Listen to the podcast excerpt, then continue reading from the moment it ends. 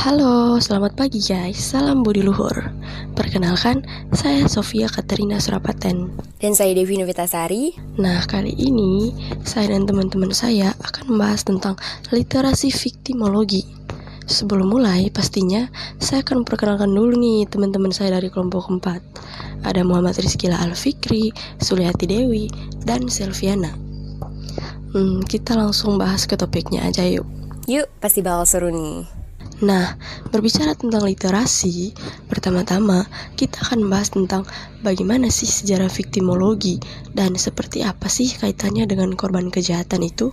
Jika dilihat secara etimologi, viktimologi itu berasal dari bahasa Latin yaitu victim yang berarti korban dan logos yang berarti ilmu.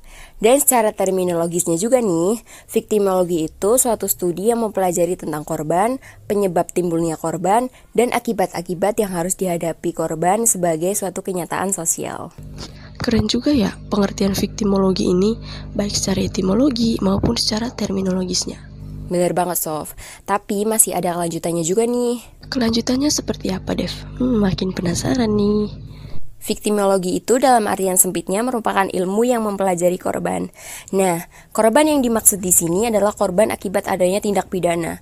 Lalu ada juga nih pengertian dalam artian luas yang menjelaskan bahwa viktimologi adalah ilmu yang mempelajari tentang korban yang meliputi korban dari berbagai bidang seperti korban perang, korban pencemaran lingkungan, korban kesewenang-wenangan, dan masih banyak lagi.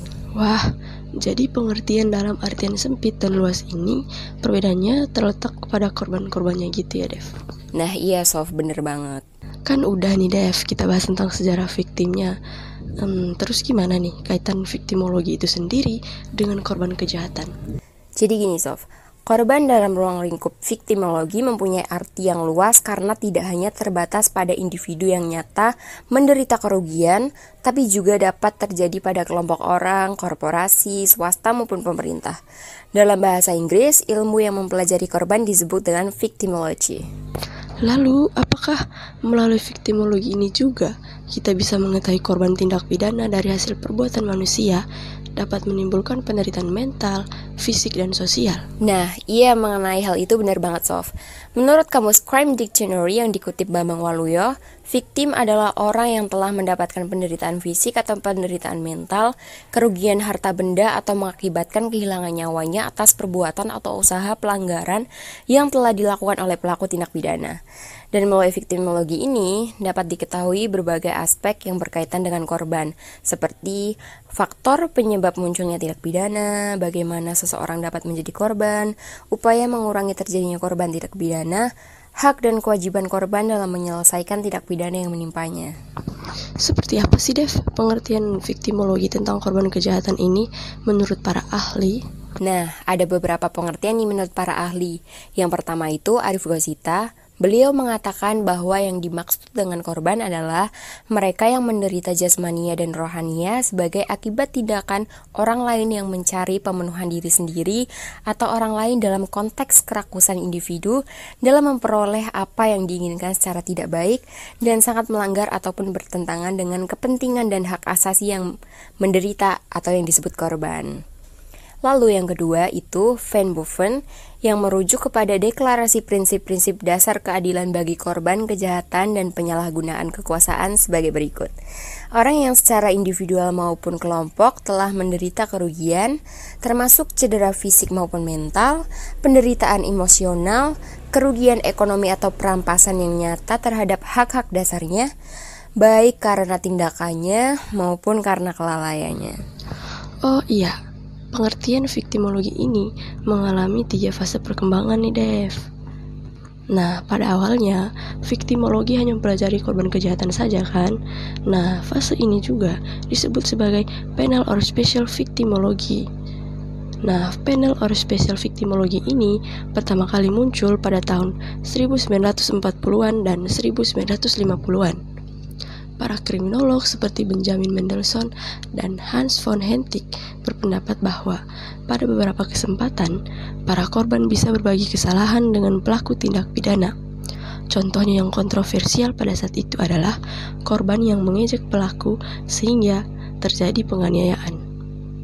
Nah, pada fase ini juga, para kriminolog ingin mempelajari perilaku apa yang bisa lebih mudah mengarah pada muncul tindakan kriminal atau tindakan yang berbahaya. Mereka berharap dengan cara ini dapat mengurangi tindak pidana ataupun mengurangi kejahatan. Nah, selanjutnya ada fase kedua nih. Kira-kira kamu tahu nggak apa yang dibahas di fase kedua? Aku pernah baca nih Sof. Di situ ditulis pada fase kedua atau yang disebut sebagai general victimology tidak hanya mengkaji masalah korban kejahatan saja tetapi meliputi korban kecelakaan. Yang pada awalnya hanya difokuskan untuk mempelajari tanggung jawab para korban dari tahun 70-an, kemudian dibutuhkan dan mulai diselidiki cara-cara mencegah viktimisasi rakyat. Nah, iya bener banget Dev. Tapi nggak hanya itu loh. Pada saat itu juga mulai dipelajari bagaimana meningkatkan pengalaman mereka dalam sistem hukum serta cara-cara untuk membuat pemulihan psikologis korban lebih cepat. Oke oke aku paham Sof Oh iya pasti fase ketiga perkembangannya udah mulai lebih luas lagi ya Iya benar Dev Fase ketiga ini dikenal dengan istilah new victimology Nah, pada fase ini, viktimologi sudah berkembang lebih luas lagi dan mengkaji permasalahan korban, penyalahgunaan kekuasaan, dan hak-hak asasi manusia. Nah, sehingga pada studi terakhir, para ahli mempelajari jenis bantuan apa yang dibutuhkan setiap korban untuk mendukung pemulihan mereka, baik secara mental, fisik, sosial, maupun ekonomi. Walah, berarti viktimologi ini banyak mengalami perubahan gitu ya?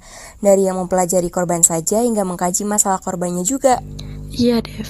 Jadi, saat kita berbicara tentang viktimologi, sudah pasti di dalamnya membahas tentang korban. Kita akan melihat kejahatan dari sudut pandang si korban, apa, mengapa, dan bagaimana seseorang bisa menjadi korban.